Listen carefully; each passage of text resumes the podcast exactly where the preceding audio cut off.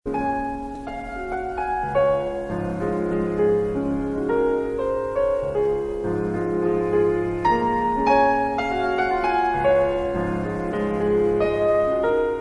luister nou na die slotepisode van RSG se middagvervolgverhaal Laat vrugte deur CM van den Heever.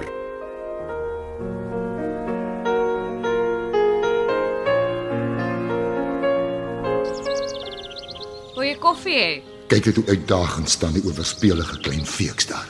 Nee, ek wil nie jou kassaterwater uit 'n teelepel opsluk soos 'n baba nie. Sit maar lekker daar en vrek voor die venster met jou ou bek wat half oop hang, want weet jy wat? Dries kom vanaand oor en hy gaan die hele nag bly. Ek wil my seun sien. Asseblief. Sê vir hom hy moet kom. Ek mis hom so. Sit elke dag hier voor die venster waar ek die pad kan dophou. Daar kom hy vandag oor die bult aangery. Nou wat? Is dit tog nie 'n traantjie wat hier by jou verrimpelde ou wang afloop nie? Ag, sies tog. Maak dit jou seer dat ek en Dries soveel pret in jou huis het. Hmm. Wens jy nie was ook so mooi jonk en sterk soos hy nie. Helen, moet tog nie kom as dit te laat is nie. En nou O, oh, ek kan sien jy hou nie daarvan dat ek sê Dries is jonk en sterk nie, nê? Nee. en nou Ek gaan gou vir my mooi maak voor Dries kom. Sit mooi stil hoor.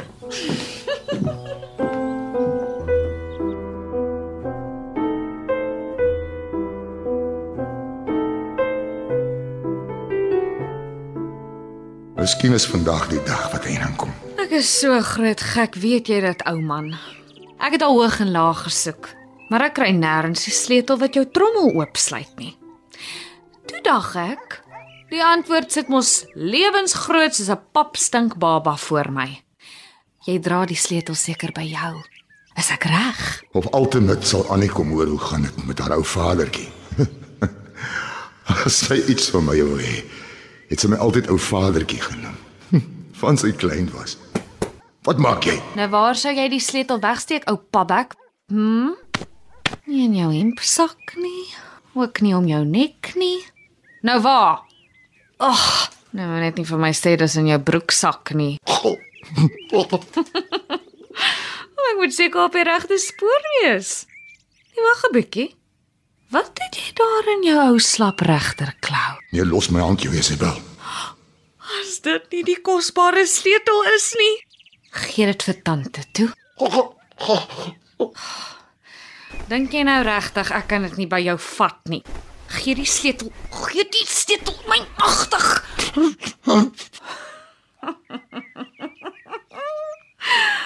Ah, so ja, jou vieslike ou man.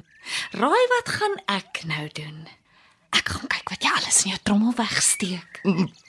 Ek weet jou daar sommer baie geld in. Hæ? Is ek reg? Ooh, ja, ek is reg, nee. En weet jy wat gaan ek maak met die geld wat jy so skelm daarin weggesteek het? Ek gaan vir my die klere koop wat jy nie vir my wou koop toe ek jou so mooi gevra het nie. En ek gaan geskenke vir Dries koop. sien jou nou nou. En dan wys ek jou wat ek als in jou skatkis gekry het. Moenie weggaan nie, hoor. Is dit my straf? Moet dit dan al so eindig? Met 'n slegte vrou wat die sleutel tot my mag uit my hand ruk en daarmee ook my swak greep op die lewe.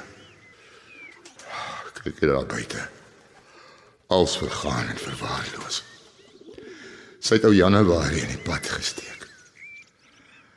Ek bid net hy weet waar sy nou.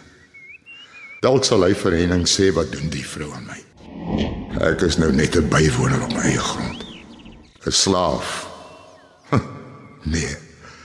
Nee, ek is niks, net 'n skaduwee. Kyk hoe ryk is ek.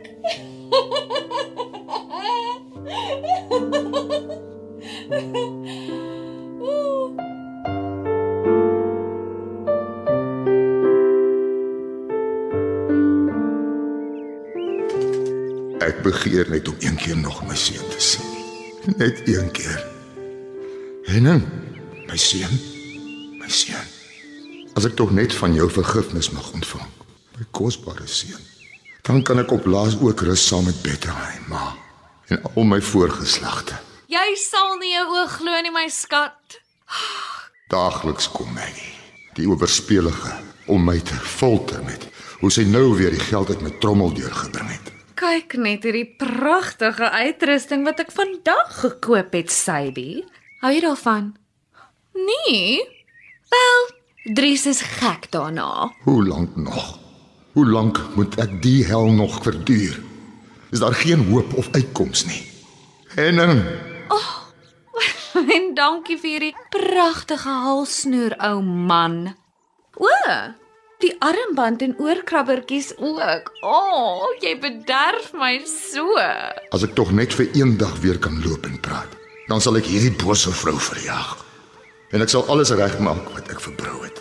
Al die onreg, al die selfsug, al die liefdeloosheid, die verknogtheid aan besittings. Alles.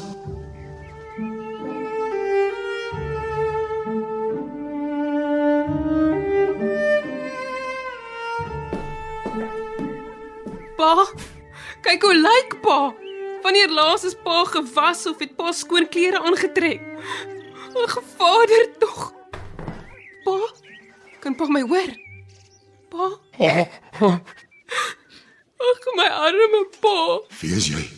Waar is Henning? Ek soek hom. Sy brand. Ag, genade my arme broer. Dit was Januarie reg. Ek dink hy oordryf. Ek het vir tante gesê ek voel iets gaan met pa gebeur. Het ek nie? Ja, jy het. En kyk nou net.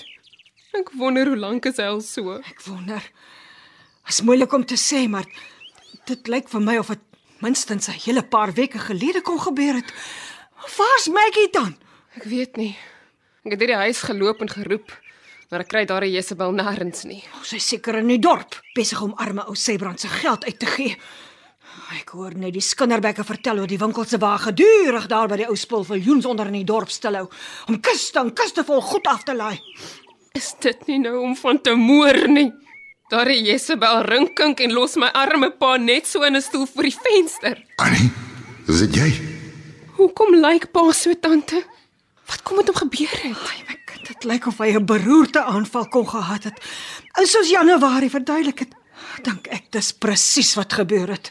Maar hoekom het die ou skepsel nie vroeër vir tante gesê wat gebeur het nie? Ai, ek weet tog nie Annie. Dalk is dit oor hy sak en pak van die plaas moes af. Wie weet? Ek het hom ook nie gevra nie. Ek was maar te dankbaar hy het by my uitgekom om vir my te sê. Maria? My arme pa. Sy brand. Dis Maria hier. Kan jy my hoor? Lyk my ek kan ons darm hoor, ja. Ons moet die dokter laat kom tante, vandag nog. Ja, ons moet. Maar eers moet ons hom skoonmaak en versorg. Het julle nie iewers vir Henning gewaar nie? Ek soek hom, maar ek weet nie waar kry hy weg nie. Ek hoop tog net die dokter kan vandag nog kom. Ek ook. Oh, wonder wat het alles hier aangegaan. Ja, wie sal weet. Maar as daardie vieslike verskoning van 'n vrou haar voete vandag op hierdie werf sit, gaan sy 'n ding of twee van my hoor. Dit kan tante maar weet. Middag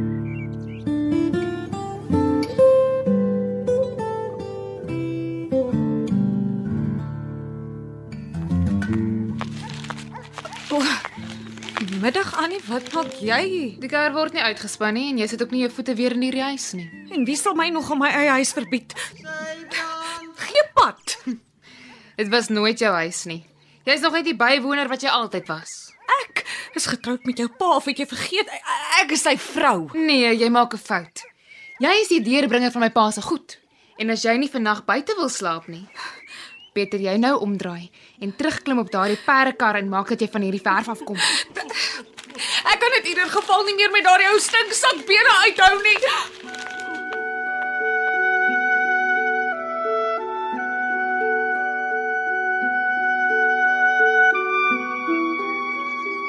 Henning? Jy jy weet ek soek na jou. Hoe sien? Jou pas moeg. Dit raak tyd om te gaan. Maar ek moet hier bly om die plaas op te pas tot jy kom. Wanneer kom jy dan? Die wit pad oor die bil bly stil. Jy kom nie. En die grond is reg om bewerk te word. Dit wag net vir jou sterk hande om saad in die ploegvoore te saai. Ah, Maar die tyd glip deur my ou vingers wat nie meer kan vashou nie. En die dokter sê daar kan enige dag weer 'n aanval kom soos die een wat my plat getrek het. Kom tog gou en in my liewe seun. Asseblief. Ek kan nie meer lank vashou nie.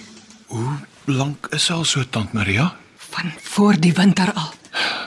Ek het nie geweet nie. Gaan na hom toe, Henning. Wys sy klein seun vir hom. Sal hom sy brand wedersending tante. Ek dink dis alwaarvoor hy wag, Johanna. As hy Henning gesien en vrede gemaak het, dink ek sal hy rustig van alles afstand kan doen. Pa, kyk wie's hier. Middag pa. Sening. Pa se verlore seun. Henning, my seun, jy het gekom. Ek het na jou gesoek, weet jy. Ek het elke dag die pad dopgehou, maar jy wou nie kom nie. En nou is jy uiteindelik hier. Kan hy my hoor? Kan hy verstaan? Hy kan jou hoor, maar ek weet nie of hy altyd alles verstaan nie. Natuurlik kan ek.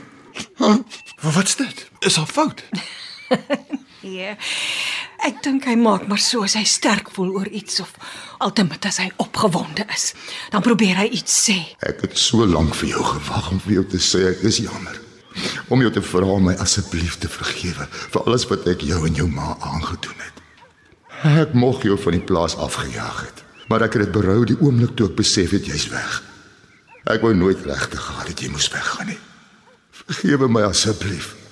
Ek wou vir lank niks met hom te doen gehad het nie, maar maar nou Johanna, kom hier my liefling.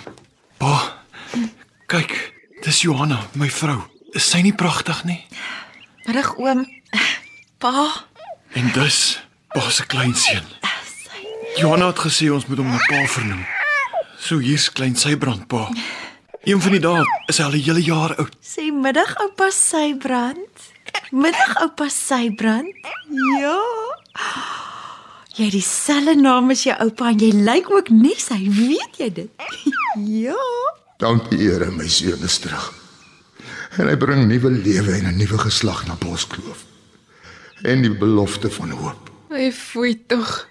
Hoe loop die ou traantjies uit pa se oë? Dankie het jy gekom het Henning. Dit was my liewe vroutjie se idee tante. Sy het my omtrent aangesien om te kom. Dankie Johanna, jou liewe kind. Als reg tante.